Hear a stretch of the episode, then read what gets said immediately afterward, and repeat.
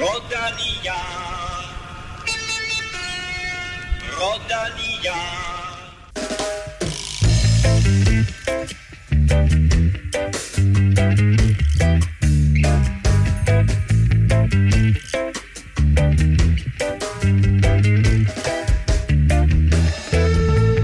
Det er en uge siden, vi var her sidst, og vi har haft ikke bare en, ikke to, men tre danske vinder siden. Magnus Kort vandt en etape i Gran Camino, Jonas Vingegaard kørte solo i Drom Classic, og Emma Norsgaard vandt tirsdag Le Samin. Meget mere om alle tre senere, hvor vi naturligvis også kigger tilbage på weekendens to store åbningsløb i Belgien og frem mod Strade Bianche på lørdag. Og med det, velkommen til mine hvide landevejsbetvingere Kim Plesner og Stefan Djurhus. Kim, det er, det er en ny klassiker, og et af dine yndlingsløb, der skal køres i Toskana på lørdag. Ja, det må man sige. Jeg er vældig begejstret og lytter af denne udsendelse vil vide, at det er et af mine favoritløb på, på året. Det er stadigvæk øh, åbningsweekenden i Belgien, der ligesom åbner sæsonen, men, øh, men det her det er et af de få, eller det er nærmest det eneste løb, der har, der har fået sådan lidt status af, af de her belgerklassikere, og så bare i Italien. Kan noget andet end brostenene. Vi kommer til at tale meget mere om øh, Strade Bianca lige om lidt. Øh, men først Stefan. Stefan, hvor, hvor er Stefan? Nå, Det er det samme hver gang. det er det samme hver gang. Ja. ikke? Nå, Stefan Johus mangler. Jeg Så- tror, øh, ligesom mange af os andre, så, øh, så har der jo været sådan lidt et, et virvar af følelser her på det seneste. Han måske har haft lidt svært ved at, at, at Altså, tumle med. Corona, Ukraine. Ja, mere af det, at han er bagud i quizzen, tænker jeg. Og Ja, måske nå, ja, de, ja, de det- 2.000 ja, det- det er øh, endnu 2.000 følgere på Twitter kan Oh, hurtigt, ja, kan ja, det er hurtigt klart. Ja, det er enormt pres, der ligger på ham Ja, også. Stefan 2000 der. Nå, vi er altså uden øh, Stefan i dag, men øh, Kim og jeg vil øh, forsøge at gøre det så godt, som øh, vi nu kan, øh, uden øh, topeksperten øh, på banen. Til gengæld kan jeg love dig både interview med øh, Emma Norsgaard og også en, en masse andre øh, små lækre ting undervejs. Øh, vi skylder også lige at nævne, at i sidste uge, der sagde jeg, at øh, Mads P. var den eneste dansker, der havde vundet. Og øh, Ja, det passer det- ikke, fordi øh, både øh, Jakob Hinskavl og øh, Prince Charming, a.k.a. Øh, Anton Charmik, har også vundet. Det var så længe siden, vi havde optaget, at, øh, at, at, at vi nærmest havde glemt det. Men det skylder vi selvfølgelig. Øh, og så, så er du jo efterhånden også øh, blevet sådan, at du kun tæller World Tour, øh, World Tour rytter sejre. Altså, de der små UCI-sejre, de tæller nærmest ikke. øh, De tæller nærmest ikke. Ej, det, det hører egentlig med til pointen, at vi har ikke haft en UCI-sejr endnu. Altså, de sejre, vi har haft, det er alle sammen... Og jeg har haft masser af UCI sejre, men ikke World Tour. Uh, ja, okay. Du skal høre efter, hvad jeg mener, ikke hvad jeg siger. Ja. Så ja, øh, vi har haft en UCI sejr, men ikke nogen World Tour sejr. Nu har der ikke været kørt så mange World Tour løb endnu, men Nej, øh, de, begynder, de begynder at komme nu her. Vi ser også frem i dag mod de to store etabeløb, Paris-Nice og Tirreno Adriatico, og så skal vi naturligvis også quizze og have uddelt en kop til en af alle jer dejlige mennesker, der støtter på tier.dk. Uden jer, ingen podcast, og der vil jeg lige sige velkommen til 10 nye støtter siden sidst, og tak naturligvis til alle jer, der har været med igennem lang tid. Mit navn er Claus Elming, du lytter til Velropa Podcast, præsenteret i samarbejde med HelloFresh. Vi åbner den udsendelse med gårsdagens løb Les Samin, der blev kørt i den sydlige del af Belgien, bedre kendt som Vallonien. Men inden vi taler om herrenes løb, så skal vi naturligvis omkring kvindernes, som på, på flotteste vis endte med dansk sejr. Emma Norsgaard havde is i årene og diamanter i stængerne, da hun efter 99,7 km var den hurtigste på stregen og vandt sæsonens første sejr. Ja, vi må, vi må bare til at vende os til, at hun er øh, toppen af poppen, når det gælder øh, international kvindecykling. Altså hun er helt deroppe, hvor, øh, hvor man kan regne med, at, at når hun er blandt favoritterne, så, så bliver det næsten altid til en podieplads, og, og rigtig, rigtig mange gange til en sejr. Det så man også sidste år. Det så ellers ud som om øh, løbet var lidt kørt for Emma, da to konkurrenter kom afsted. Favoritgruppen ikke rigtig kunne blive enige, og hendes to an- andre hjælperytter de øh, øh, hang ned bag i. Jeg fik en snak med Emma Norsgaard her til morgen, hvor hun fortalte om afslutningen og løftede sløret for sæsonens store mål. Emma Norsgaard, stort tillykke med sejren i går. Mange tak, sir. For tag mig lige igennem, øh, de, de, altså, lad os bare se de sidste par kilometer. Det var, øh, det var lidt stressende. Altså, jeg tror, at øh, der var måske forsøg på, på øh, udbrud, og der var, øh, der var to, der lykkedes. Og det seneste var et par kilometer før, før mål, og, og det så ud til i lang tid, at, øh, at de ville holde hjem. Også fordi, at ja, feltet de lå og kiggede på hinanden, og der var ikke rigtig nogen, der ville køre det ind. Øhm, men, øh, men jeg prøvede bare at have ro i maven, og, og så stole på, at mine holdkammerater, de kunne, øh, de kunne hjælpe til, og at, øh, at det ville blive hentet. Så jeg, jeg prøvede ikke at panik for meget, og jeg følte egentlig også, at der var styr på situationen hele tiden. Men, øh, men øh, det endte jo også skide godt. det, det endte jo perfekt, kan man sige. Du, som du selv siger, havde is i maven, lå løbet udfolde sig, og, og ligesom lå andre gøre arbejdet. Hvordan turde du lægge an på det?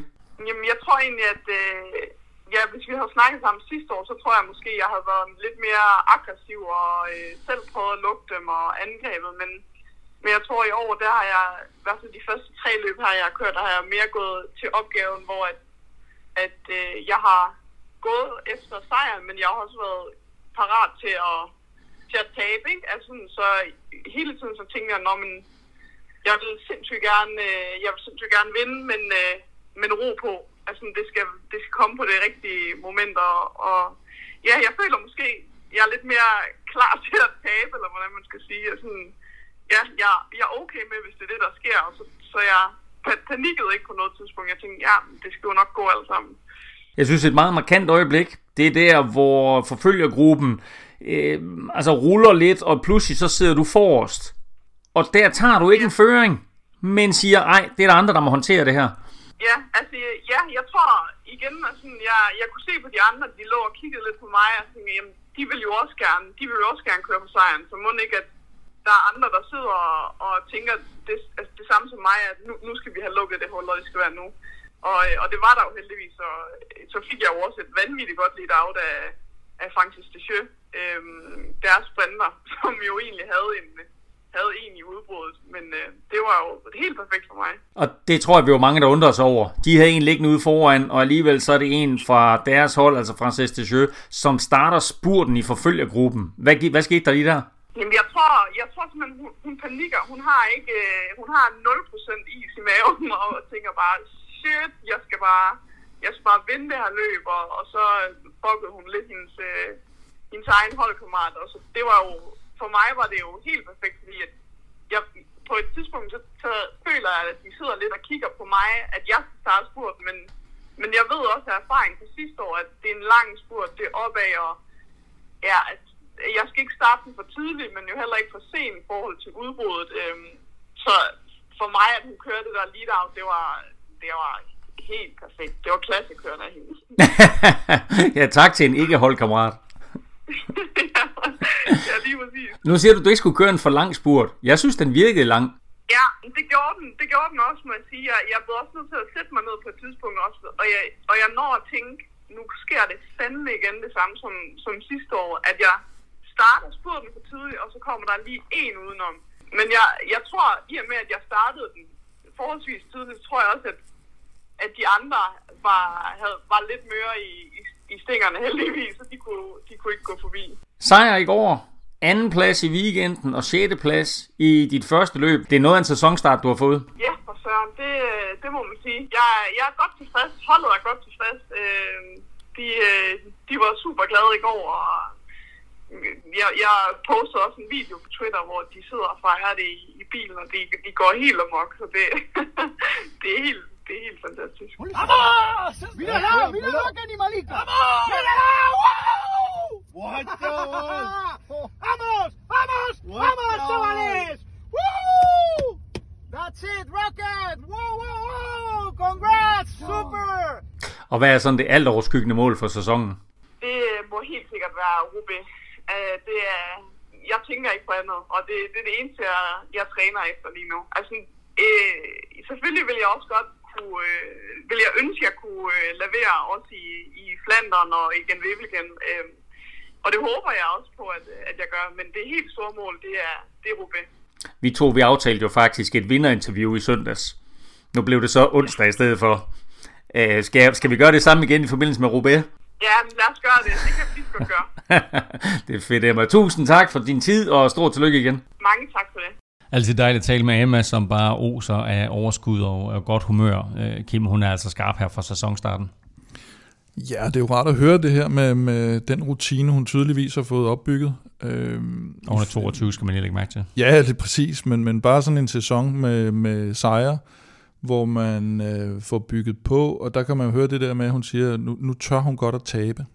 Og det er jo det, man typisk ser, de her lidt mere urutinerede, eller i starten af karrieren, hvis du kommer hjem med en lidt mere rutineret rytter, så er det den unge urutinerede, der, der, der ikke har is i maven, og netop er frygt for, jamen hvad nu hvis sejren, den, øh, altså jeg er så tæt på sejren nu, det er min første måske store sejr, jeg, hvad nu hvis jeg ikke får den her sejr, og sådan noget, kan man jo sidde og tænke der, ikke? Og her, der har du så en, der har vundet øh, rigtig, rigtig mange sejre. Og så får man sådan lidt, nå ja, men altså, jeg har jo vundet det, jeg har jo vundet det, jeg har vundet det. Hvis ikke jeg vinder den her, jamen så, så er det det. Fordi hvis jeg begynder at bruge mine kræfter her, så vinder jeg jo lige præcis ikke. Og den rutine, det er den, hun har opnået nu, og kan sige, sidde og kigge lidt på de andre og sige, fuck det, så, øh, så kører vi bare ikke. Så vinder du heller ikke. Og, øh, og så, så trækker hun nok endnu mere det længste strå, end hun gjorde i en flot sæson sidste år. Så et af det, og to, så er det timingen i hendes burt. Altså den rammer hun simpelthen øh, lige i øh, røven, som John Faxe ville have sagt det. Apropos Faxe. Nej, det er ikke nogen Faxe. Det, det, det, er fuldstændig, jeg ved ikke, hvorfor jeg siger apropos Faxe. Det, prøv at, vi skal tale herrenes Lesamin lige om lidt. Øh, der var der knap så meget øh, dansk succes. Men først, der skal vi... Quizze. Hvad? Og, øh, jamen, det skal vi. Det skal vi. Jeg ved godt, Stefan ikke er her, men øh, du fører Det bliver, to. en, det bliver en nem, Du fører øh, nem 2-1, point. og øh, jeg har ringet til øh, Stefan. Okay. Øh, han havde lige øh, to minutters pause mellem, at det var sådan, at han sad og svarede alle sine Twitter-følgere. Øhm, og, øh, jeg, Jeg, troede, han havde to jeg minutters pause til at sidde og google øh, svaret på quizzen. Nej, dog ikke. Jeg sørger for, at han ikke var foran en computer, og jeg sørger for, at han kom med svarene prompte. Mm. Øh, der er to point at tjene i den her uge her, fordi øh, i weekenden, der kører som sagt Strade Bianche, og to ryttere. Det er jo kun den, jeg tror, 16. udgave af Strade Bianche, så det er ikke så gammelt et løb. Men øh, to ryttere har været på podiet tre gange. Der er et point for hver af dem, du kan. Er spørgsmålet forstået? To ryttere har været på podiet tre gange, Korrekt. og man får to svar. Du får et point for hver Ja, man får kun to svar. Altså, jeg, jeg giver...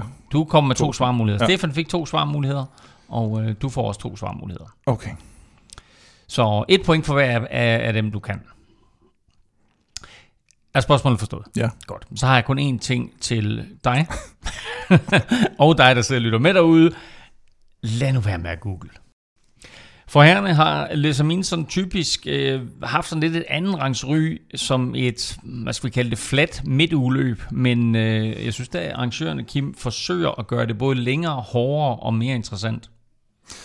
Ja, det er, altså, man kan sige, at alle de her mindre øh, brostensløb og mellem mindre bælgerløb, de, øh, de har måske ikke så meget øh, prestige, og øh, sådan, sådan, hvis man ser i et, et, et større øh, globalt perspektiv, og, og sammenligner med, med World Tour løb og Grand Tour, så jeg ved ikke hvad, og de store monumenter. Men der er ikke nogen tvivl om, at når du, når du kommer ned øh, til, til specialisterne og, og, og dem, der kører på de kanter, og dem, der elsker de her Belgierløb, så er det jo, det er jo ikke nogen lette løb, dem her, i forhold til, til mange af de andre. Nej, altså Lasamine har, har udvidet antallet af kilometer, så det er nu på 209. Mm. Øh, det er faktisk den længste udgave i mange år. Øh, også 1500 højdemeter, øh, hvilket også er mere øh, end normalt. Øh, og lægger ud med sådan for, 100 km øh, forholdsvis øh, fladt løb, men så kommer der både brosten og, og stigninger med brosten. Hvad, hvad de hedder? De hedder Helligen. Heiligen, Helligen. Hellingen, det Hellingen. er Det, det, det, det er sådan der. Hellingen. øh, dem er der flere af. Øh, og løbet her slutter med øh, 3-4 omgange på 26 mm. km. Men blandt andet tre brostenstykker, og så de her to Hellingen øh, Côte de la Roquette og Côte de Nonet. Øh, og øh, vi så hos kvinderne, at de trak tænder ud, og det så vi bestemt også hos herrerne. Øh, den sidste kilometer, som Emma også var nordpå, ser flad ud, men stiger faktisk med 2,2 procent hele vejen øh, op mod mål. Så øh, en, en, en svær afslutning som sådan også, øh, øh som kræver, at man har lidt energi i stængerne til sidst, der, selvom man har siddet øh, ude på landevejen i men over det- 200 km. Men det fede ved netop stort set alle de her løb dernede, det er jo netop også, at de netop lægger forhindringerne til slut i løbet. Man ser mange gange netop det flade. Du ser det jo typisk i Flandern, hvor du har de her 800 km, og så rundstrækninger. Man så det i omløb, alle de her rundstrækninger, der bliver totalt komprimeret. Den selve start til mål var noget med 70-80 km, tror jeg, hvis man bare var kørt fra A til B. Men så lægger du alle de her øh, forhindringer ind. Og, og det er jo fordi, de ved godt, hvordan, hvordan man skaber et godt cykelløb dernede. Man skal lige have 100 km i stængerne, inden vi begynder for alvor Ja, ja. og, øh, og trække søm ud. Ikke? Øh, men øh, Quickstep havde Fabio Jacobsen til start. Han var kæmpe favorit, men det ville Arkea og UAE anderledes. Ja, så netop med de her øh, mindre løb, de er også lidt svære at, at, at orkestrere for, for, for, for favoritterne og for de store hold. Og så synes jeg, at øh, så så man jo Matteo Trentin vinde en, øh, en god sejr, og, og netop Trentin og UAE er jo kommet rigtig godt fra start. Vi har en Brandon McNulty, vi skal tale om senere, vi har en Pogacar. Øh, det er virkelig et hold, der begynder at, at, at vinde i, i mange forskellige terrænger, og ikke kun er Pogacar, skal man også lige huske på. Men også andre ryttere, som, som en Alessandro Covi, som har fået et gennembrud i år. Øh, Fernando Gaviria har vundet to sejre i år. Han var ellers nærmest gået helt i stå med sin karriere. Og så har vi faktisk lige fået ind nu her, at, øh, at dagens løb, øh, Trofeo La Guelia, der har Jan Polank vundet igen for UAE. De er oppe på 11 sejre indtil videre i den her sæson.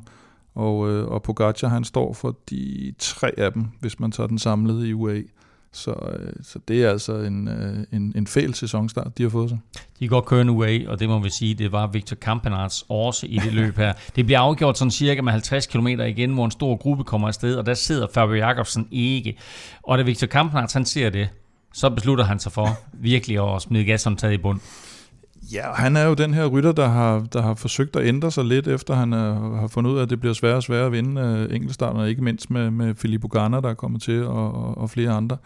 Og øh, vi kommer tilbage til, hvordan han øh, også imponerede i, i weekenden, hvor han dog blev drillet af lidt, øh, lidt mekanisk defekt. Men han er en af dem, der bliver rigtig spændende at følge i, i Brostens og se, hvor meget han kan få ud af det. Og det er altid sjovt at se de her rytter, der trans- forsøger at transformere sig i hvert fald fra, fra en ryttertype til en anden.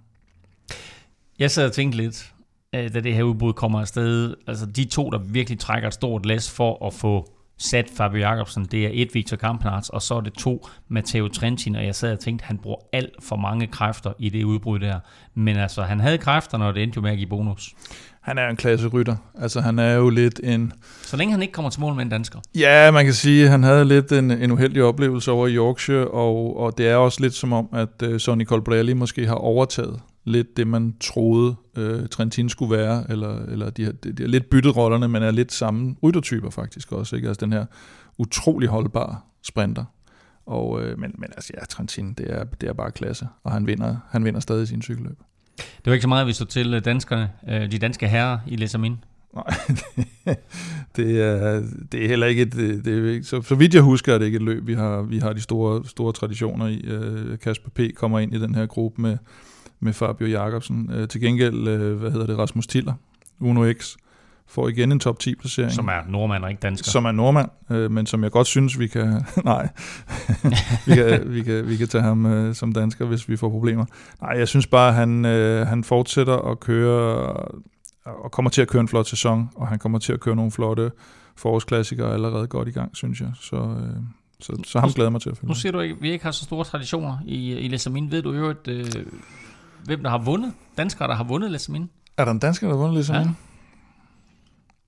Nej, det kan jeg simpelthen ikke huske. Nej. Nej. Her er Frank Høj. Uha, ja, Ja. det, det er godt bud. 2006-agtigt. Øhm, du, vi har en anden dansker, der var på podiet, som har været med her i Du podcasten. har, du har virkelig siddet og- Nemlig, at, at jeg Ja. hjælper dig bare. Det er også, det er jo også Som har trivia- været med i trivia, pod- som har trivia været med i til øh, podcasten. lytterne jo.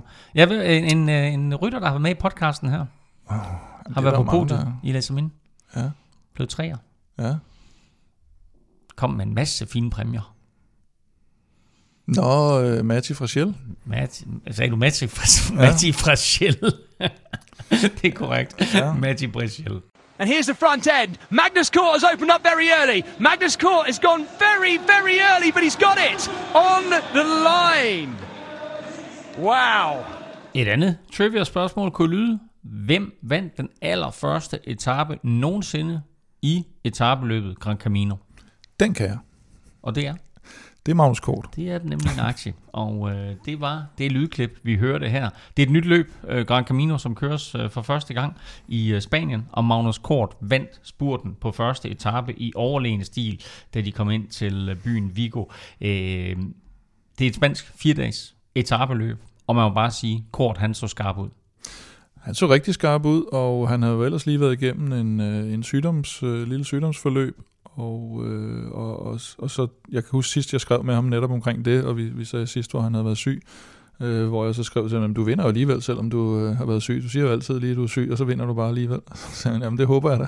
Og det, det gjorde han så også her. Og nu er han faktisk blevet syg igen. Vi vil gerne have haft ham med i dag. Ja, men øh, nu er han blevet syg igen. Øh, øh, sygdommen er blusset op. Men øh, hvis, hvis bare han vinder efter sygdomsperioden, så bliver det jo godt at se ham her de I, næste... til, I Strade Bianche på. Ja, øh, jeg tænker mere Milan Sanremo, vil jeg helst have. Ja, ja, altså, men, Men, øh, øh, altså i, i første omgang, der er han på startlisten til øh, Strade Bianche. Hvis han er, er syg hele ugen, så er det ikke sikkert, at han kommer til start der. Nej, han men, sagde, at øh, nu, nu skulle han lige over den her, og så skulle de faktisk til at revurdere hans øh, løbsprogram, eller, okay. eller se, hvad, hvad for nogle løb han så kom med i. Han vandt første etape. De to næste etaper var kuperet med afslutning opad. Michael Woods vandt anden etape, mens Alejandro Valverde vandt tredje. Øh, og så skulle de to afgøre den samlede sejr mellem sig på fjerde og sidste etapes enkeltstart, og der var Valverde 17 sekunder hurtigere end Woods. Så den 41-årige spanier er svaret på næste trivia-spørgsmål, nemlig hvem vandt den første udgave af Gran Camino sammenlagt? Ja, og det er noget med det, jeg tror, ja, nu kan jeg simpelthen ikke engang huske det tweet, der var omkring det, det er noget med det top 3 øh, eller sådan noget, øh, ældste vinder af et UCI-cykelløb øh, nogensinde, tror jeg. Ja, det er Jeg tror, der er noget Rebellin, der sikkert er, er Som- over ham, ikke? som Øh, stadigvæk kører i Colombia et eller andet sted, ikke? Jo, stopper han ikke efter i år, eller, eller sådan noget, tror jeg det var. Øh, men men det, er, det er imponerende, og han, han ligner faktisk en, der får en god sæson, vel være det? Jeg troede måske, han var God ved start at, i hvert være, ved at være sådan lidt over and done. Det ser ud som om, at han, øh, han vil noget andet i år. Tænker man ikke hvert år, at nu trækker han sig tilbage? Jo, men jeg synes, så længe resultaterne har været der, de, og de er begyndt at gå lidt, lidt ned ad bakke, synes jeg, men det, det, det skal der laves om på nu, åbenbart. Øh, jeg synes, uh, Fuglsang så godt ud i flere ombæringer på de spanske øh, bjergveje, og faktisk også på enkeltstarten. Ja, altså det er selvfølgelig opvarmning til, til, til noget, der kommer, men, øh, men han, er, han er med i toppen, som han er i stort set øh, alle etabeløb, han, han stiller op i. Jeg kan så sige, at hvis man kigger sådan lidt nedad i resultatlisten, altså ud over top 5, så er det ikke sådan det aller voldsomste selskab, han er i. Så, så at, at køre en top 10 eller en 10. plads, må vi jo så nok også hellere sige, det, det er sådan lidt måske lidt mellem øh, i forhold til, men, men, men det er jo ikke et løb, han, han har ambitioner i, tænker jeg. Sidst men ikke mindst, så skal vi lige nævne, at Mark Padun vandt enkeltstarten, og det var en meget populær sejr. Ja, det må man sige. Alt, øh, der lugter lidt af Ukraine i øjeblikket. Det bliver selvfølgelig hyldet lidt ekstra. Og, det, som, Og Mark Padun er ukrainer. Han er ukrainer og, og kørte jo faktisk også kort frem til sejren, altså, eller var med, i, med til at køre lead-out for kort øh, i torsdagens sejr, tror jeg det er, altså på dagen, hvor øh, mm. Mm. russerne går ind i Ukraine, ikke? og det, det var også kort dedikeret sejren til, til, til Ukraine og til ham. Og, Jeg så øh, også Kort ligesom spurgte Mark Padun, skal vi fejre det her, eller hvad skal vi? Og så Ja. sagde Padun, ja, helt sikkert. Ja, ja og, og, og, og netop som der også har været nogle, nu så jeg også nogle fodboldspillere, der har været sådan ligesom, at skal, skal man lade være med at, at køre cykelløb, skal man lade være med at spille fodbold for dem og sådan noget, og de fleste tilfælde, så, så øh, medmindre de er taget hjem for at kæmpe for, øh, for, for fædrelandet, som man faktisk har set nogle, øh, nogle eks-cykelryttere gøre, som øh, André Schmil og Popovic, så øh, er, er den bedste medicin åbenbart for de fleste at, at, at køre videre og prøve at få, få tingene lidt på afstand. Men fantastisk, øh, og han har overskud til at køre det der lead-out, og, og helt vanvittigt, at han vinder en enkelt start. Altså sidste år sad vi og blev øh, meget duperet over, at han, øh, han lige pludselig slog alle, alle mulige Dauphiné, og, øh, og, og nu, øh, nu, kan, nu kan han også køre enkeltstart.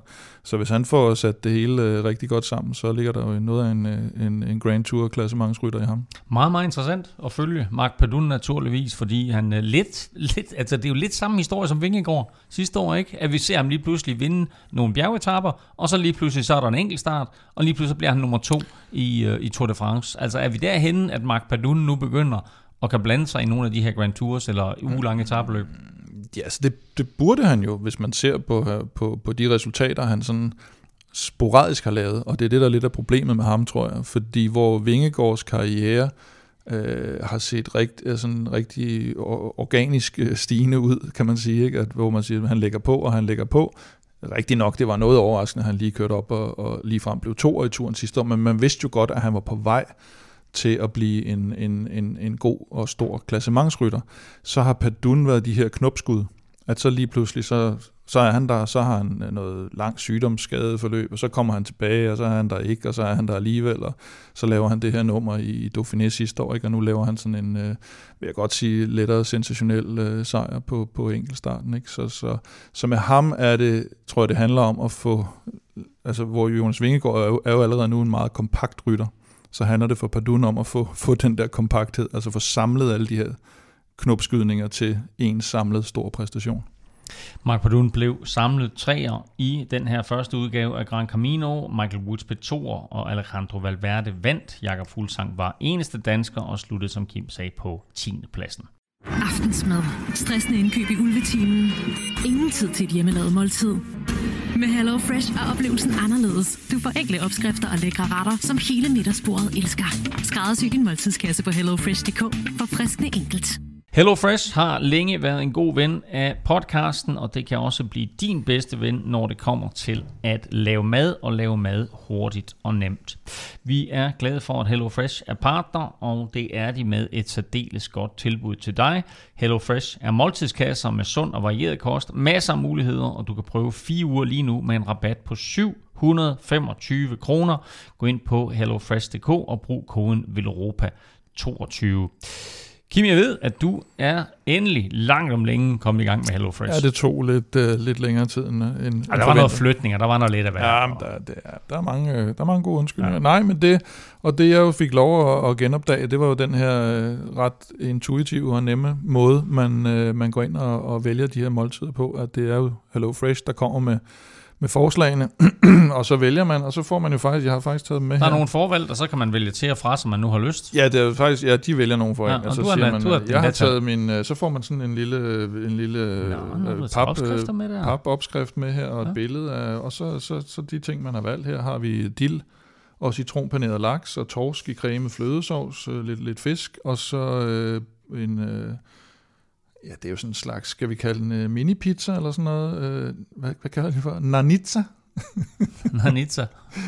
okay, det er sådan nanbrød og pizza, de har prøvet at lave sammen her, kan jeg se og så en øh, thailandsk øh, svinekødsvok er det, det måtte blive til. Sådan fire, fire måltider om ugen, det synes jeg passer meget godt, så kan jeg godt selv finde ud af forresten. Og dejligt varieret, og især øh, nu har du valgt to Ja, det vælger man jo selv, hvor varieret det skal være. Hvis man bare er kød, kødmand, så, så kører man bare den. Og, og omvendt. 15 retter vælge imellem derinde øh, hver uge, plus der er for, for, for forskellige, om det er sådan, at man er til familie, eller man er til hurtig, eller hvad man mm. nu er til. Øh, jeg vælger som regel den hurtige der, fordi jeg godt kan lide, kan lide de der, øh, bruge 20-25 minutter i køkkenet, og så har man et eller andet øh, virkelig, virkelig lækkert. Øhm, jeg kan også godt lide, at det er super nemt at gå til. Det er super mm. nemt øh, at rydde op. Det hele kommer i afmålte portioner. Der er sådan en pose med en farvekode, og så får man en af de her opskrifter, som du lige remsede højt med samme farvekode på, og så er det ellers bare ja. at gå i gang. Det, øh, det kan næsten ikke være nemmere. Jeg vil sige, at når selv jeg kan finde ud af det, så er det relativt nemt. Og så skal man bare lige huske den der med, at det er æg og olie, ikke, man lige skal, skal have på lager. Æg, olie, salt og peber. Og, så små, små, små ingredienser der. Ja. Men prøv prøv HelloFresh nu. Brug koden VELOROPA22, så får du hele 725 kroner i rabat på din første måned. Du kan godt finde det her tilbud andre steder, men bruger du koden VELOROPA, så støtter du podcasten her og sørger for, at HelloFresh fortsat er partner hos os. Og så må du meget gerne dele koden med venner og bekendte. Gå ind på hellofresh.dk og brug koden VELOROPA22 eller send den til nogen du kender. Vingegaard qui est en train de s'en aller. Vingegaard est peut-être en train de s'envoler vers la victoire dans cette Drôme classique. Victoire, victoire de Jonas Vingegaard dans cette 9 Drôme classique. Også Jonas Vingegaard fik øh, årets første sejr, inden vi sagde farvel til februar. Han kørte to løb i weekenden. Lørdag blev han sat med næsten 4 minutter i Ardèche Classic af vinderen Brandon McNulty, men søndag tog han hævn og satte alt og alle på fornemmeste vis i Drum Classic. Sikke løb og sikke en afslutning af Jonas. Ja, og lidt ligesom øh, vi taler om med, med Emma Norsgaard, så er han jo bare ved at komme op i en liga, hvor vi, hvor vi skal regne med ham næsten hver gang, han stiller, han stiller op i et cykelløb og har fået den her rutine og den selvtillid af, af, af de resultater, han skabte sidste år. Og så har du så en øh, Juan Ayoso, øh, øh, kæmpe talent, der kommer op og, og, og sidder med ham. Og det er jo igen, selvfølgelig var det også styrke, der, der afgjorde det til sidst, men øh, jeg tror også, rutinen har, har spillet, spillet rigtig godt ind her. Øh, og, og selv en øh, Alaphilippe, han måtte jo, han krampede op, så man på, på tv-billedet, han kommer ind i et sving der og lå ellers til at også få en, få en god placering. Så, så stærke navne, som han, øh, han sætter, og, og jeg tænkte efter at, øh, løbet dagen inden, og jeg tænkte, at han skal lige i gang, og han skal lige... Øh, men øh, han har fået lavet sin strækøvelse, som man sagde til os. Det havde alle Philippe, ikke? ja, præcis. Nå, vi vil gerne have talt med Jonas, men han har ikke rigtig talt med nogen danske medier efter sejren. Her er til gengæld lige, hvad han sagde til Hollands TV, umiddelbart efter han kom over stregen. Ja, Jonas, congratulations with uh, your first victory of the season so early on. That must be a, a good way to start the season for you. Yeah, I mean, uh, it's kind of a relief after yesterday. I didn't have the best uh, day yesterday, so uh, I'm uh, I'm actually really happy of uh, yeah that I won and also the way I won today. So uh, yeah, I felt good and uh, really happy about it. Yesterday you said something about uh, some doubts about the season form. I think they must be vanished uh, fairly quickly now. Yeah, I mean, uh, hope I hope I still can be a bit better, but uh, yeah, I mean, uh, obviously, obviously this also gives a lot of confidence for the for the next races. So uh, I'm uh, I'm really happy about it. What can you tell about the importance of these races? Yeah, I mean it's really important to get going to to get a good season start. So yeah, obviously I'm uh, I'm really happy about it. Now, next target, the Tirreno. Uh, yes, exactly. For a GC for sure? Uh, I'll try to go for it, and then we'll see uh, how how it goes. Nu siger han jo ikke alt for meget i sådan nogle interviews, men jeg synes alligevel, at han har sådan en dejlig underspillet selvtillid. Ja, det, det kommer jo også med den her, øh, jo flere, jo flere sejre du får, og jo, jo mere tryg du bliver ved, ved, ved dine egne præstationer, så, så kommer der trods alt lidt mere kød på. Men han var really happy about it. Ja, altså, det- det- det- det fik han slået fast Man, man får, ikke, man får ikke, ikke så meget, øh, meget ud af ham med de der, men, men han, lader, han lader benene tale, må man sige. Vi skal tale til Reno Adriatico lidt senere. Det er næste opgave for Jonas, og vel at mærke som kaptajn. Hvordan ser du den udfordring? Ja, det, der er ikke nogen tvivl om, at øh, nu, nu, det siger han også her, og, og, og han bliver kaptajn for holdet, og der bliver lagt en, øh, noget, noget pres på ham, og, og det er jo det, han skal... Det er jo det, han skal i den her sæson, kan man sige. Det er jo også det, der nu er blevet meldt ud i forhold til turen, at det er noget med, at han starter sådan lidt som øh, underdog, og så kan han lige gemme sig lidt, og så kan han overraske. Nu skal, han, øh, nu skal den køres for spids, havde han nær sagt, øh, ligesom han, han, han vandt sin sejr at øh, der, er ikke, der er ikke noget med at gemme sig. Nu, skal, nu er han op blandt de store kanoner, og, øh, og så, så er det der, han, øh, han hører hjemme, og skal bevise, at, at han hører hjemme, og, og så kører han jo altså bare på et hold, hvor det også er vigtigt, at han skaber nogle resultater, fordi der er bare nogle øh, fanarts og nogle øh, Roglic og nogle andre, der, der står klar. Lad os nu sige i teorien, at han bommer den fuldstændig. Kan det få indflydelse på, på resten af hans sæson, hans status på holdet, og måske også den her delte kaptajnstatus i turen? Nej, det tror jeg ikke, fordi ligesom de, de jo mange gange har lavet det her med at udtage holdet meget tidligt, så og netop for, det gør de jo for at skabe ro på og sige, jamen uanset hvad det er, så har vi det her hold med. Så medmindre der er nogen, der får en eller anden øh, meget alvorlig skade, eller der sker et eller andet øh, virkelig formsvigt over en længere, længere tid, øh, så, så er det ikke noget, de laver om på. Så er det netop for at give rytterne ro, og så ved de, hvad de har, de skal forberede sig hen imod. Men som han også siger her, så, så er det jo rart, ligesom for at få sæsonen i gang, at man, at man får den der sejr, der lige tager presset af, og så er det selvfølgelig altid bedre, hvis du kører en god forårssæson, end hvis du kører en dårlig forårssæson. Men han, han står, øh, han står på, på stregen i København som, som delkaptajn, med mindre sker eller helt usædvanligt. Jeg glæder mig meget til at se ham i Tirreno Adriatico i næste uge. Jeg ved ikke, hvad han fik for at vinde Drom Classic, men lige nu kan du vinde en Velropa Cup, fordi i hver udsendelse, der trækker vi jo lod om en kop, og det fortsætter vi naturligvis med her i 2022.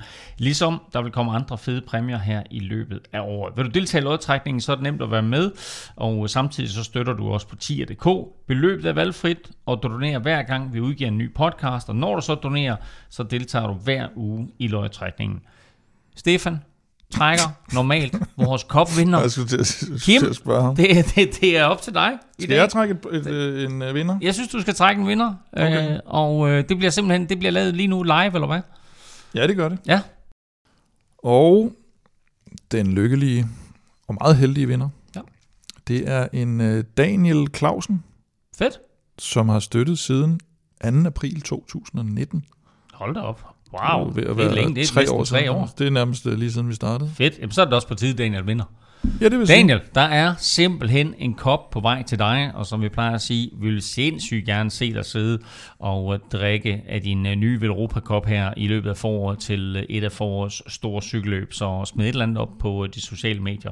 Husk, at vi for alle vores løgtrækninger gør det på den måde, at for hver fem du donerer, der får du et lod i puljen, så jo større beløb, jo flere lodder, og dermed større chance for at vinde. Du finder link på både velropa.dk og på tier.dk. Mange tak for støtten til alle, og kæmpe stor tillykke med din nye kop, Daniel Clausen.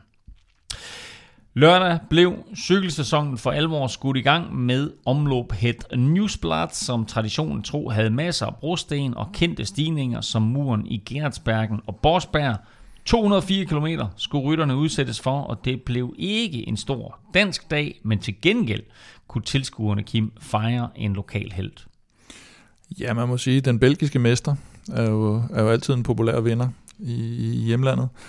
Og øh, ja, man kan sige, Wout van Aert, som vinder løbet, som måske er, er den mest øh, stabile, hvad skal man sige, klassikerrytter igennem øh, seneste sæson, har måske haft lidt problemer med, med at vinde nogle løb. Han, altså den måde, han, han gør det på med at køre inden Bosberg, det, er, det, det viser altså stor, stor klasse og stort, stort overskud, og, og det er sådan lige dele overrasknings- overraskelsesmoment øh, og styrke, at, at, at han gør det, han vinder på den måde, han gør, og så kører han ligesom soloen efterfølgende, som man også øh, mange gange har set det i Flandern rundt ind mod øh, Odenarte, at, at så holder man et forspring ind mod der, ikke?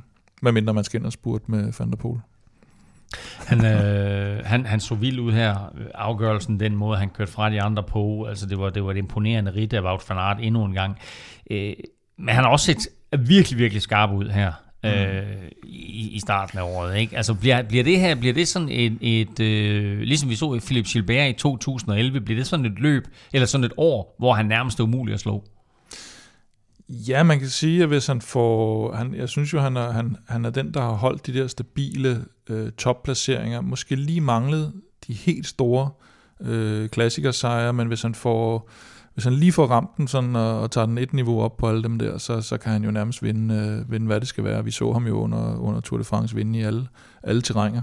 Øh, og, øh, og, og han er Plus, så... plus sprinten på Champs-Élysées. Ja, jamen altså øh, enkeltstart, øh, bjerge, Ja, ja, sprinter, brosten, han kan det hele simpelthen. Så hvis han, hvis han formår at, og, og, og, og strikke det rigtig godt sammen, og så har han jo altså fået uh, Tis Beno, som man også så i, øh, i løbet her, som en, en fantastisk hjælper. Han har Laporte, der ikke var med her, øh, også kommet til holdet i forvejen, har de Mike Tønnesen og så videre. Altså det er, det er, også, et, det er også efterhånden et, et stærkt, stærkt mandskab, han har, så han bliver ikke den der øh, ene ulv på, på Men hvordan, hvordan så du det der one- one-two-punch, de kørte, hvor de sendte Thies Benoit i udbrud, og han lå derude længe, øh, og da de så bliver hentet, så kører han jo nærmest kontra Wout van Aert. Jamen, jeg ser det jo netop som et, et ekstra våben, de har fået. Fordi øh, at, at jeg synes mange gange, så har han skulle skabe løbende selv, øh, Wout van Aert. Det har været den eneste svaghed for ham. Og nu, øh, nu har de altså også nogle... Øh, det, det, meldingerne på, på Mike Tønnesen var også, at han har kørt rigtig hurtigt til træning. Så, øh, så jeg, tror, øh, jeg, jeg, jeg tror, han godt kan gå hen, og, og hvis alt flasker sig, og så simpelthen... Øh, om ikke rydde bordet, så i hvert fald øh, blive rigtig svært at hamle op med, i, også i de store løb. Kasper Eskren var ramt af et par punkteringer, men sagde bagefter, at han havde gode ben. Hvad siger vi til de andre danskere? Jamen, som vi var inde på sidst, der var faktisk ikke så store forventninger til, til, til danskerne på grund af sygdom, øh, både med Askren, med, med Michael, Michael Valgren, Søren Krav, der kom med i sidste øjeblik, øh, var, ikke, var ikke udtaget oprindeligt. Så, øh, så, så den mest bemærkelsesværdige, bemærkelsesværdige, det var jo faktisk Morten Hulgaard, som, øh, som sad med i øh, dagens, øh, nogen kalder det tv-udbrud, nogen siger det, det er store udbrud, og holdt, holdt ved relativt længe. Øh, og for en gut som ham, der er det, øh, der er det virkelig god erfaring, han får så der i, i sådan et løb. Altså det der med at køre det forfra, så du, så du ikke bare falder af nede i bagenden lige pludselig, og ikke rigtig er med i løbet. Øh, der, der, der synes jeg, det er øh, en, en god måde at lære de her løb at kende på, og vi ved, hvor mange gange man nogle gange skal køre de her løb, før man får opbygget en, en tilpas stor erfaring til, at man kan være med. Løbet blev altså vundet af øh, Jumbo Vismas Wout van Aert. Det gjorde han foran øh, Sonny Colbrelli fra Bahrain Victorious. Vi må sige, der bare fortsætter, hvor han slap sidste år. Og så blev Greg van Avermaet altså træer. Det er femte gang, at han er på, på øh, podiet i øh, omløb het, Newsblad. Hos kvinderne, der vandt den øh, 39-årige øh, Annemiek van Fløjten, mens hendes øh, danske Movistar holdkammerat Emma Norsgaard spurgte sig til en 6. plads, og Julie Let faktisk blev nummer 10. Søndag fortsatte løjerne så med kørende Bruxelles Kørende, der fik en helt forrygende afslutning, men øh, inden da, der fik vi da bevis for, at Kasper Askren på trods af corona havde gode ben. Ja, han var jo lidt svær at vurdere i, i omløb netop på grund af, af lidt defekt, og, øh, og han har været ude med sygdom, men øh, nu den rolle, han havde der i, i, øh, i kørende, var, var ikke, ikke for at vinde løbet, så det ud som om øh, men mere for at køre Fabio Jacobsen, øh, eller være med til at køre ham frem til sejren sådan på, på det overordnede strategiske plan. Og øh, der er ikke nogen tvivl om, at han er, Askren er godt på vej. Altså, og han, han skulle faktisk ikke have været med. Det. Nej, nej, han bliver sat på holdet, og han, øh, og han viser, at han, han har allerede noget, noget power. Øh, og så skal formen bare lige finpusses, og så øh, kunne det være dejligt, hvis den, hvis den rammer der lige omkring øh, Flandern rundt på Rio øh, som jo så strækker sig over lidt, lidt længere tid i år, som vi har været inde på. Øh, men men det, det kan godt gå hen og blive, i, øh, ja, i forhold til mange andre, som måske øh, får, får corona nu her, så er det i hvert fald godt, øh, at han har fået det overstået relativt tidligt på sæsonen, så han kan komme forhåbentlig godt tilbage. Stor motor. Vi ser øh, flere gange for Kasper Askren, altså når han først øh, giver, øh, lukker op, så har, de, så har de fleste jo svært ved at, at, at sidde med ham. Altså han har også haft en del sejre på CV'et allerede. Ja, altså det, det, er jo, det er jo lidt sindssygt, at, at han allerede har vundet øh, Flandern og E3 og kørende, ikke? Altså så, så, som en dansk rytter, det, det er bare fantastisk. Og han er også oppe i den der liga. Nu nævner vi, nævner vi øh, Wout van Aert, men det er jo reelt set Wout van Aert, Mathieu Van der Poel, dem vi så i Flandern sidste år, Kasper Askren, det er jo dem, der er, er, er de klart stærkeste øh, forårsklassikerrytter nu, ikke? Øh, så jeg synes bare, det er svært at vende sig til, også fordi Askren jo bare er Askren. Altså han er, mm. jo stad, han er jo stadigvæk på den der stille og rolige fasong, og nu skal vi ikke gøre det mere end det er, og sådan noget. Og så er han jo bare et monster, altså på en syg, og har vundet de her kæmpe løb. Så det, det er sådan en lille smule svært at vende sig til, øh, at han, han jo er den her store stjerne nu.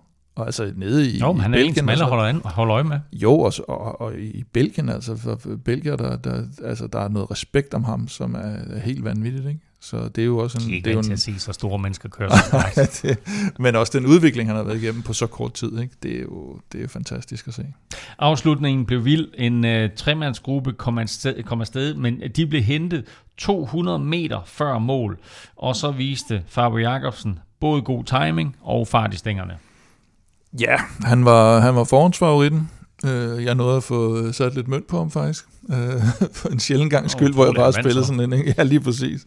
Øh, og, og han beviser bare, at han...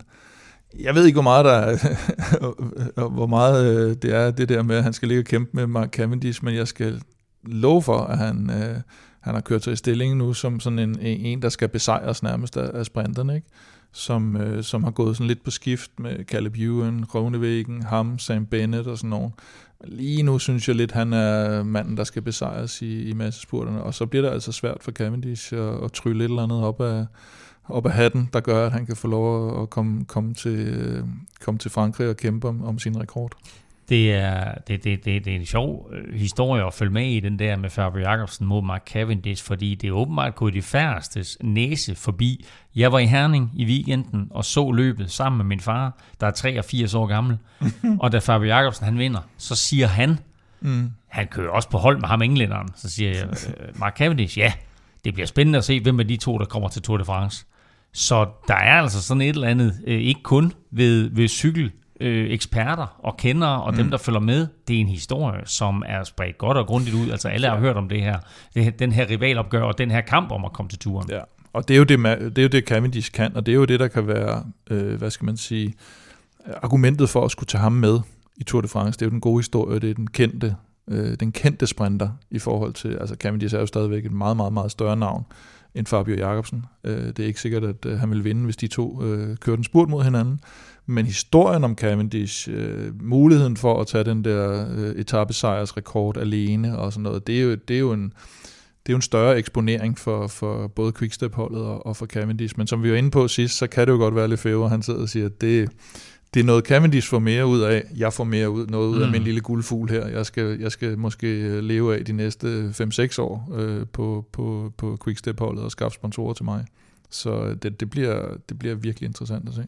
Fabio Jacobsen er kommet tilbage fra det her voldsomme styrt, virker lige nu som den måske hurtigste mand overhovedet øh, på World Touren. Mm. Øh, nu må vi se, når han kommer op imod de helt store sprinter, øh, når vi får dem alle sammen samlet og ser dem mod hinanden. Det bliver også spændende at se ham og Dylan Grunevæggen øh, mod hinanden. Men noget jeg tænker på også i den forbindelse, det er rutinen omkring at sidde i et Tour de France-felt. Hvor meget betyder det for Mark Cavendish chancer i forhold til Fabio Jacobsen. Altså, lad os nu, altså det, Fabio Jacobsen har pladsen, det har Lefebvre meldt ud. Mm. Men hvis man sådan skal kigge på det sådan rutinemæssigt omkring at placere sig i mm. Tour de France-felt, hvor det er mere hektisk end alle mulige andre løb, hvor meget betyder det så for Cavendish's muligheder? Ingenting. Godt. Og det kan jeg godt sige. Så skal du sige, hvorfor. hvorfor? Det er fordi, at han har en hjælperytter, der er dansker. Og han hedder Michael Mørkøv. Og, og det er lige meget, hvem der kører bag ja, ham. lige hvem der kører bag ved ham, så vinder han.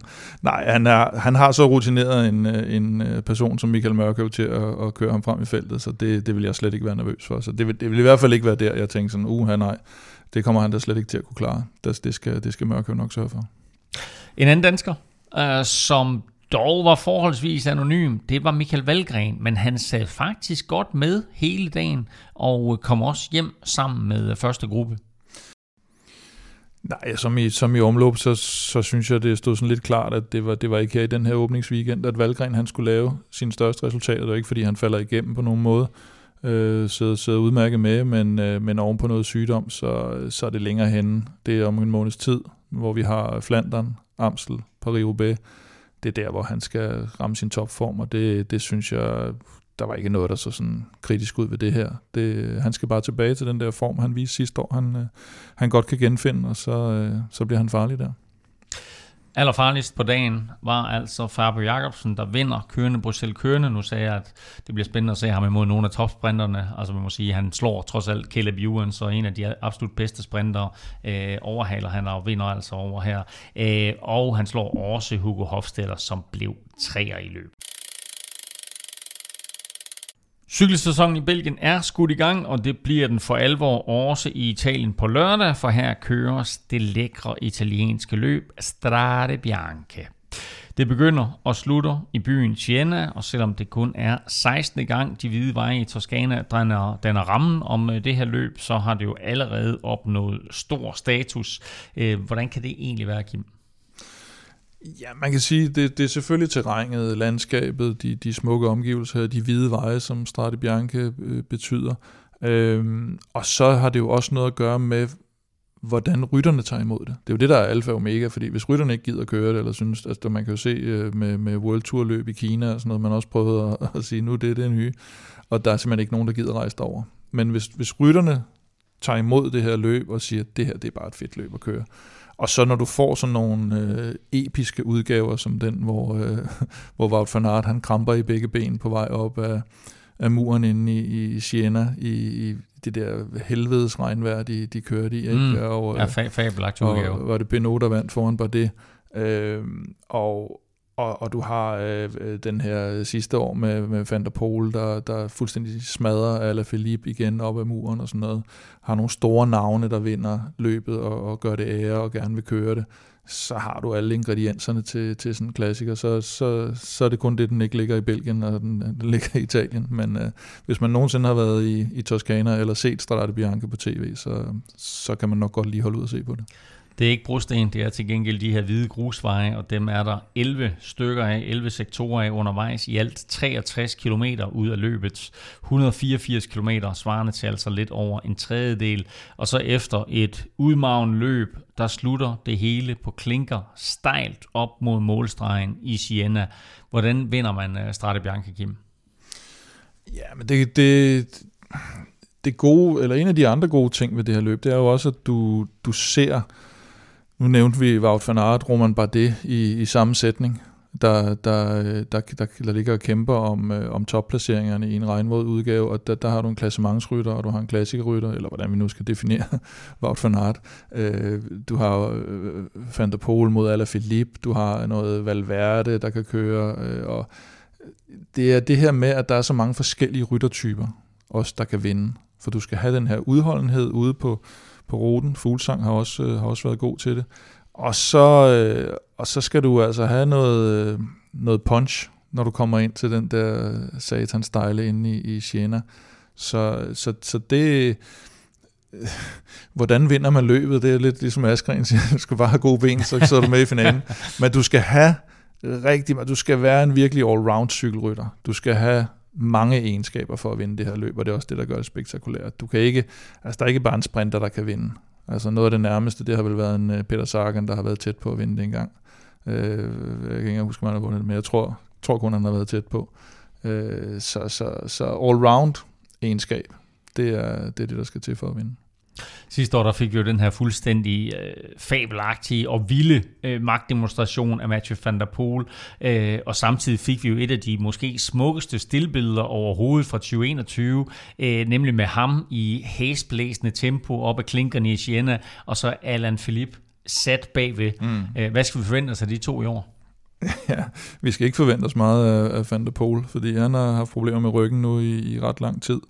Og, øh, og det vil sige, han ja, noget sent forår måske, øh, håber han at, at kunne være tilbage i. Øh, Ala Philippe, som vi, som vi nævnte tidligere, fik noget krampe her i, i, i Drome, men altså, har, har været okay fremme i, i sæsonstarten og ligner en, der, der er på vej til at kunne, kunne lave et godt resultat her, og, og, og netop også det her er jo et, et løb som sådan en som ham, som han elsker, ikke? altså indbyder til angreb, og, og, øh, og med, med den her afslutning, der på nær hvis Van der Poel er med, så passer den ham umiddelbart også rigtig godt.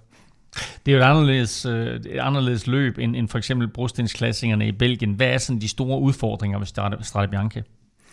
Jamen jeg sad faktisk lidt og tænkte over, at det, det er jo lidt ligesom, øh, hvis man har været på Roskilde Festival, at, øh, at der er to muligheder. Enten så er, det, så er det regn, der bliver til mudder, eller også så er det tørvejr, der bliver til, til utrolig meget støv og, og ingen af delene er rigtig godt. Øh, så hvis du, hvis, du har, hvis du har for meget varme og, og tørvejr, så kan du nærmest ikke se noget, øh, når, når bilerne og, og cyklerne kommer kørende hen over de her veje. Og hvis det er regnvejr, jamen, så har vi den her fantastiske udgave for nogle år siden, hvor, man, hvor det ligner sådan en krigsslagmark nærmest, der kom ind. Så, så, så det er sjældent, at man kan sige, at nu er det bare super perfekt vejr til, til, til, til det her løb. Så, øh, så ligesom øh, at, at øh, i, i ja, specielt Paris-Roubaix selvfølgelig, hvor du har nogle, nogle helt anderledes udfordringer på grund af de voldsomme brosten, så har du her en sikkerhed for, at uanset vejret, så er det bare et knaldhårdt cykelløb på den ene eller den anden måde. Vi har set uh, Jakob Fuglsang være meget tæt på af flere ombæringer uh, i Strade Bianche, ikke mindst i 2019, hvor han blev nummer to efter det der episke battle med uh, Julian Alaphilippe uh, op mod målstregen. Uh, kan fuglen blande sig i år?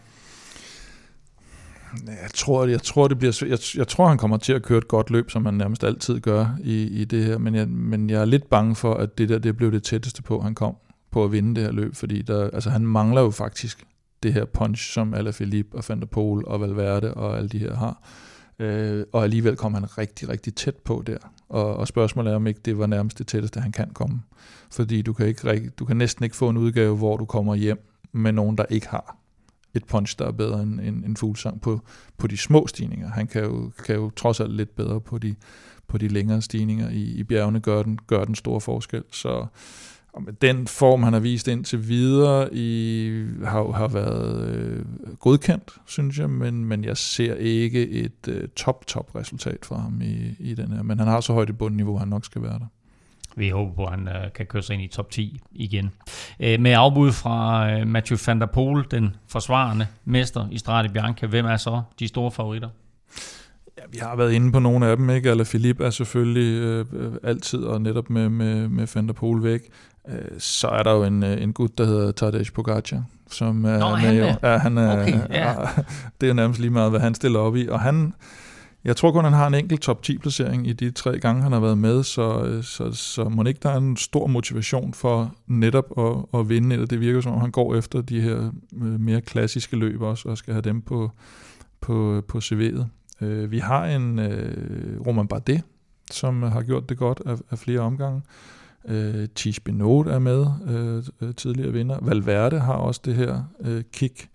Øh, Kwiatkowski har vundet i 14 og 17, og, og de har også Pitcock med. Må, må ikke Pitcock måske i virkeligheden er, er, er et bedre øh, bud, men, men Kwiatkowski med en god rutine i hvert fald. Og, øh, og så måske en øh, Pello Bilbao, der bliver 10 sidste år og bliver 3 og samlet i UAE-tur. Han øh, ser ud som om, han måske har ramt, ramt formen meget godt til, til det her løb, og har også nogle af de egenskaber. Og så synes jeg måske, vi skal holde lidt øje med, med Lotto Sudal, som jo med Victor Campenarts der, der har, der har virkelig lagt for land i, i, øh, i klassikerne og, og mener det alvorligt. Og så en Tim Vellens, hvis han er kommet så over, over den sygdom, der holdt ham ude i, i omløb, så er det også en, øh, en halvfarlig due faktisk, øh, så tidligt her på sæsonen. Og så har jeg faktisk skrevet Quinn Simmons for Trek. Jeg, jeg tror på, på et eller andet tidspunkt, der, der må han bryde igennem. På et eller andet tidspunkt rammer vi rigtigt med Quinn Simmons. Ja, så, øh, vi har jo et par interessante danskere med, øh, for eksempel øh, Andreas Kron og Jakob Fuglsang, øh, Kasper Askren og øh, Michael Valgren. Hvordan ser du dem? Ja, men jeg ser egentlig måske Kron som den, der har... Øh, nu kommer han jo på det her øh, øh, lottohold, som, som bliver meget stærkt. Øh, Fuglsang ved, at vi får lov at køre sin egen chance. Der kan man være lidt mere i tvivl med Kron. Øhm, Askren og Valgren tror jeg stadigvæk lige skal, skal have lidt mere i, i benene efter sygdom. Og så har vi jo altså Kort og, og Honoré, øh, der, der står på startlisten, eller, eller Honoré kommer til at køre det. Vi snakkede sidst om, at han var blevet syg, og han vidste ikke rigtigt, om han nåede at blive klar til, til Strade Bianche, og lige talt med ham, at han kommer ikke i topform til det løb, men, men glædeligt, at han, han allerede er tilbage. Øh, Kort er tvivlsom, og, og ved ikke rigtigt, hvordan han kommer ud af den her sygdom, og hvordan hans øh, løbsprogram bliver. Korts store mål i foråret er jo Milano Sanremo, så, så han skal helst i gang relativt tidligt, så kan man sige. Nu vandt han Men helst også over det her sygdom her. Det er det, han, han, der skal virkelig doseres, den her, ikke? fordi nu har han lige vundet, og øh, så skal han ikke smadre sig selv ved at gå i gang for tidligt efter, efter sygdom. Men han er så klog en rytter, det tror, jeg, det tror jeg godt, han kan finde ud af at balancere. Og der er det måske også noget med lige at tjekke vejrudsigten for Siena der, og se, at øh, det ikke er noget forfærdeligt vejr ja. øh, på, øh, på, på lørdag. Øh, et hurtigt bud på en vinder? Jamen, øh, nu talte vi lidt om øh, Valverde tidligere. Det, det er et løb, der ligger godt til ham. Han er kommet godt fra sæsonstarten. Jeg tror måske godt, han kunne være en, der overrasker, hvis man ligesom skal gå lidt væk fra, fra, fra Alaphilippe og Pogacar, der måske er de, sådan de umiddelbare favoritter. Så hvis vi skal finde lidt en, en outsider til dem, så synes jeg måske, man skal holde øje med Valverde. Jeg har en, øh, en outsider, der hedder Roman Bardet, som jo du, ja. nævnte, du nævnte lidt tidligere, er blevet to i løbet, og jeg kunne godt se ham faktisk øh, overrask i det her, og så får vi også en indikation af, hvor han øh, står i forhold en, til den her øh, sæson. Han bliver jo nogle gange lidt undervurderet i forhold til, at man tænker, at han er den der spinkle, og man tænker, jamen typiske bjergrytter nærmest, øh, næsten ikke engang øh, klassementsrytter, det har han så også vist i, i turen, han godt kan, men, men også en, en god, god klassiker. Altså næsten, jeg kan næsten bedre lide at se ham i løb, fordi han er mm. altså bare en, øh, en god vedløber. Og så dit bud på den bedste dansker? Ja, det tror jeg alligevel bliver Fuglsang. Jeg tror, at, øh, at han, øh, han kommer til at lave et, et fornuftigt resultat, som er noget, der ligner en øh, måske mellem nummer 5 og 10 på en god dag. Vil du høre mit bud på den bedste dansker? ja, det vil jeg gerne. Den dansker, der bliver placeret bedst i Strade Bianche, er Cecilie Utrup Ludvig. Åh oh, ja, det er en frækkert, det er en frækkert, du Nå, laver det. der laver jeg lige en frækkert på ja, det der. Kvinderne kører nemlig også Strade Bianche og Cecilie Utrup Ludvig blev nummer 5 sidste år, og vi håber naturligvis på, at hun kan forbedre den placering og måske endda få en, øh, en podieplads på lørdag. Strade Bianche kan ses i din fjerner fra lørdag, eller på lørdag, og det er fra klokken 13.50.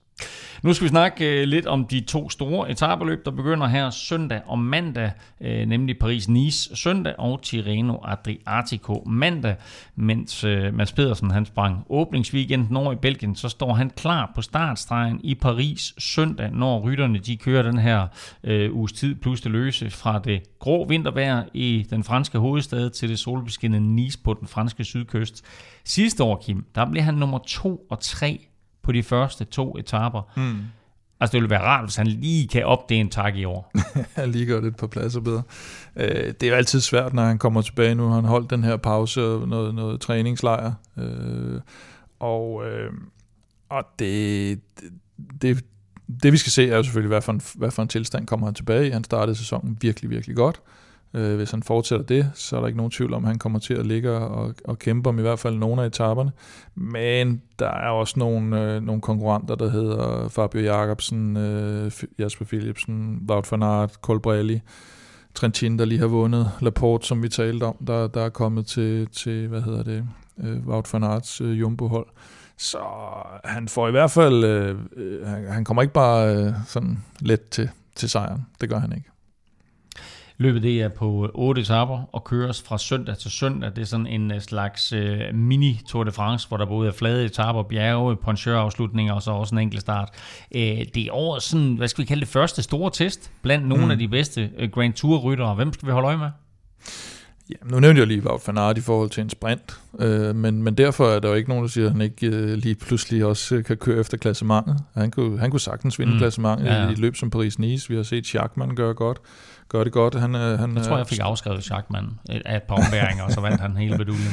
øh, og han er også med, Schachmann i øvrigt. Øh, og så har vi jo selvfølgelig Primoz Roglic, som jo skal ud og vise lidt nu, hvor, hvor Jonas har, har taget sin, øh, sin første sejr. Vi har øh, Joao Almeida, vi har øh, Adam Yates, vi har øh, David Gody, vi har Alexander Vlasov, øh, hvis han stadigvæk får lov at køre. Det ser det ud som om, at øh, det ikke er russiske ryttere, men russiske hold, der bliver udelukket. Øh, Bauke Mollema er med, øh, Guillaume Martin, Nadio Quintana, som jo har kørt forrygende på de, på de franske veje indtil videre. Simon Yates, så, så begge Yates-brødre. Alexei Lutsenko er faktisk også en, der måske kan gøre det. Brandon McNulty, igen en UAE-rytter, der har, der har lagt hårdt for land. Når vi snakker UAE-rytter, så har jeg en quiz til dig. Hvor mange øh, UAE-rytter kom på podiet i La Guelia? Vi fortalte jo lige, at øh, Jan Polak havde vundet. Altså Trofeo La Guelia. Hvorfor, ja. hvorfor er vi tilbage ved Trofeo La Guelia? Jamen det var fordi, vi snakker UAE-rytter. Hvor mange, hvor mange rytter, der kom på podiet? Hvor mange UAE-rytter kom på podiet der?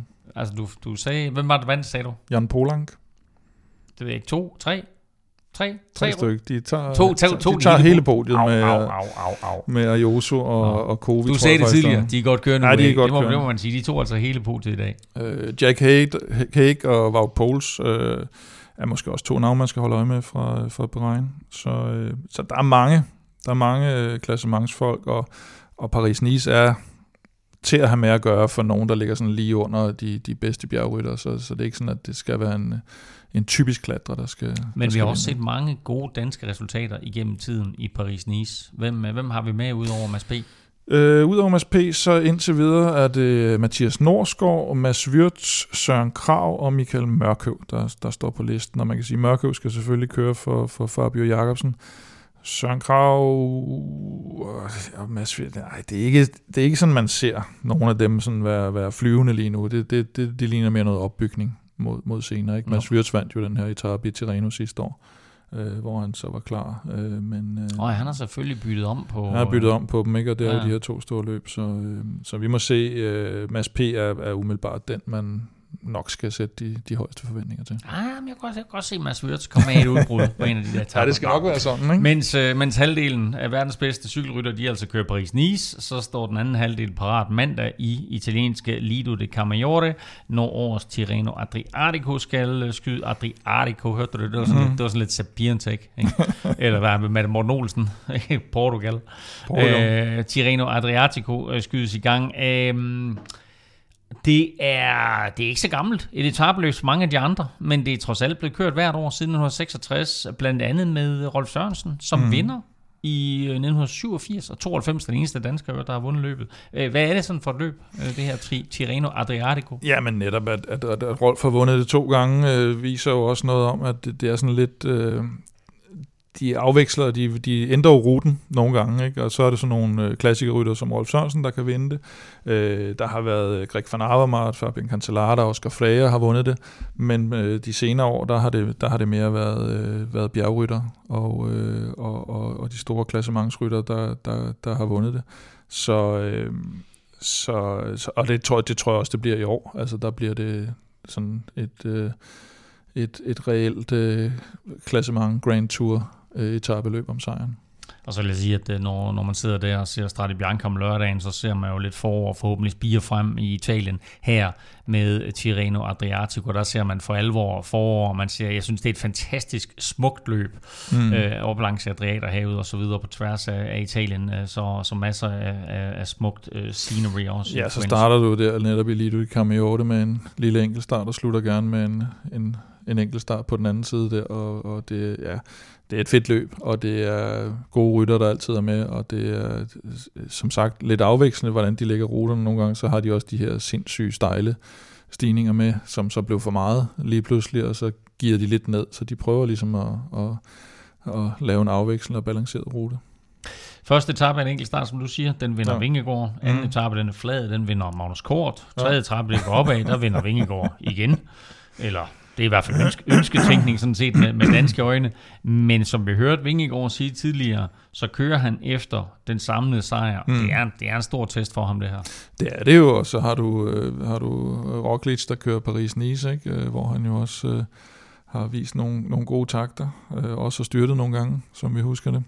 Øh, men det, er, det er en stor test, men det er også nogle hårde konkurrenter. Der, der har vi altså øh, Tadej Pogacar, vi har Alaphilippe, vi har Remco, øh, Evenepoel med, vi har Carapaz, øh, Henrik Mars, Roman Bardet, altså mange af dem, der kommer fra, fra Strati Bianchi selvfølgelig. Ikke? Og øh, det, Spændende med Remco faktisk. Ikke? Altså, han, ja. vinder, han vinder et minut på første dagen, og han vinder et minut på sidste dagen. Ikke? Så skal de andre, de skal gå to, to minutter fra ham. Jo, jeg vil sige, de, de, er så, de er så relativt korte, de enkelte starter, så hvis han vinder et minut på, på nogle af dem, der er med der, så skal han dele en med at være god. Så tror jeg, han vinder løbet men, sammen. Men jeg, jeg, glæder mig faktisk til at se ham, fordi vi, vi er i den her proces også med at få ham tilbage, og ja. få ham øh, banke noget selvsliden i ham, og også banke noget, noget, en følelse af, at, det er sådan, at han også godt kan køre nedad, og der er noget frygt, der skal ud af kroppen på ham. Men nu får han faktisk chancen her i et ret, i et ret stærkt selskab. Ja, men det, og, og det, frem. det der var hans øh, mission, hans rejse lige nu, det er jo den her med at, at komme op og vinde nogle af de store løb. Øh, for at have, først fik han den her lidt, lidt nedtur, der måske også hang lidt øh, noget mentalt i, og så skulle han bygges op igen, blandt andet med, med sejren i, i, i Danmark rundt. Og, og nu skal han så lige tage skridtet øh, længere op ikke? Og, og begynde at, at vinde nogle af de, de store ting. Fordi ellers så, så bliver det, som hans kritikere siger, sådan lidt, ah, men det, så skriver vi ham op til at være nærmest den nye Eddie Merckx, og så, så vinder han, og så når han kommer op, hvor det bliver, bliver spændende, så, så, så kan han ikke alligevel. Og der skal man måske lige også huske det der med hans netop styrt. Ikke? Altså, det var jo derfor, at den udvikling mm. blev sat i stå. Det var det her forfærdelige styrt, hvor han ryger ud over en skrant. Øh, det, det er altså de færreste, der kommer ud for sådan en, og så, og så rejser sig igen. Så jeg håber virkelig, at han kan komme med op, om han så bliver den nye Eddie Merckx, eller om øh, han, hvor, hvor dominerende han bliver. Det, han skal nok få masser af modstand med de andre kæmpe talenter og, og etablerede rytter, vi har, men, men fedt, hvis han kommer op og blander sig også. Altså jo flere, jo bedre af de her det er i hvert fald uh, virkelig interessant at se Remco i næste uge mod store stjerner som Pogacar, Alaphilippe, Carapaz, Enrik Mars, Roman Bardet og ikke mindst uh, Jonas Vingegaard. Tirreno Adriatico køres fra mandag til søndag i næste uge. Nu skal vi til det. Vi skal have fundet øh, dagens vinder i quizzen. Og Stefan er her ikke, men jeg har som sagt hans svar. Og spørgsmålet var jo, hvilke to ryttere har været tre gange på podiet i øh, Strade Bianche. Og øh, du får lov til at svare, Kim, og så kan jeg lige øh, gå ind her og finde Stefans svar også. Kim, en øh, rytter, der har været på det tre gange? Jeg siger øh, Fabian Cancellara. Fabian Cancellara, det er fuldstændig korrekt. Kan du også øh, årstandene for, hvornår han har været på podiet? Øh, han vandt jo... Har han ikke vundet tre gange? Han har nemlig lige vundet tre gange. Og det var sådan meget... 12, 14, 16 agtigt eller sådan noget. Øh, 10, 14, 18. Nej, ja, det var, det var med fire års mellemrum, det er fuldstændig rigtigt. Det var, det var, det var 8, 12 og 16, han vandt. Mm. Så der er et point til dig der. Mm. Jeg kan sige, at øh, den var Stefan også hurtig på, så han ja. havde også det point. På det er jo sådan noget, vi ikke rigtig ved. Det er jo ja. noget, vi bare kan tage. For, og det er jo et spørgsmål, om man bare skal det, smide det, en 50'er i dommervognen. Det, det, det er mellem mig og Stefan. Præcis. Godt. Hvem er den anden, der har været på polet tre gange? Ja, der er jeg mere i tvivl. Må jeg høre Stefans svar? Vil du gerne høre Stefans svar? Stefan, jamen, han, han har jo, jamen, Stefan har jo egentlig serveretten, så derfor har han lov til at svare først. Og han sagde, Nå, okay, ja. Det er den ikke stibar. Nå. Ja, den vil jeg da i hvert fald slet ikke have taget. Nå, det vil du ikke. Nej, så er det da frygteligt, hvis det er rigtigt. Ja. Og jamen, jeg, min, jeg bliver jo nødt til at gå med min første indskydelse, men øh, det var lige før, jeg siger Peter Sagan, men jeg siger Michael Kwiatkowski. Jeg kan så fortælle dig, at Greg van Avermaet, Stedenek Stibar, Alejandro Valverde, Julian Alaphilippe, Alessandro Balan, Maxim Iglinski, Michael Kwiatkowski, oh, Peter Sagan og Thomas Løvqvist. Alle har været på podiet to gange. To gange. De to, der har været på podiet tre gange, er Cancellara og Wout van Aert. Ah, ja, selvfølgelig. Wout van Aert blev øh, treer i både 18 og 19, og så blev han toer i øh, 2020, og jeg mener faktisk ikke, at han var med sidste år. Var der ikke noget med, at han sprang løbet over sidste år? Det kan jeg ikke huske, men det er en meget god track record. Så det er en okay track record. Han er med igen, og er selvfølgelig blandt favoritterne i Strade Bianca. Der var et uh, point til at være, så derfor så fører du fortsat, Kim, men nu med 3-2. Europa Podcast er tilbage i næste uge med meget mere naturligvis om Paris-Nice og Tirreno Adriatico, som jo er i fuld gang på det tidspunkt. Og hvem ved, altså forhåbentlig, så har vi da også en dansk sejr eller to i banken, som vi kan snakke lidt om.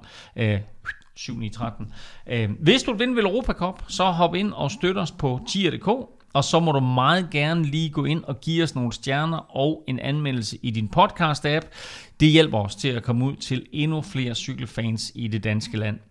Indtil vi høres ved, der kan du følge Kim og Velropa på Twitter, på Snablag Velropa. Stefan finder du på Snablag Stefan Djurhus, og undertegnet finder du på Twitter, Insta og Facebook på Snablag NFLming. Tak for nu, tak fordi du lyttede med. Tak til alle vores støtter på tier.dk. Uden jer, Ingen vil Europa podcast, og tak til vores partner Hello Fresh. Støt dem, de støtter os. Benvenuti a Strade Bianche.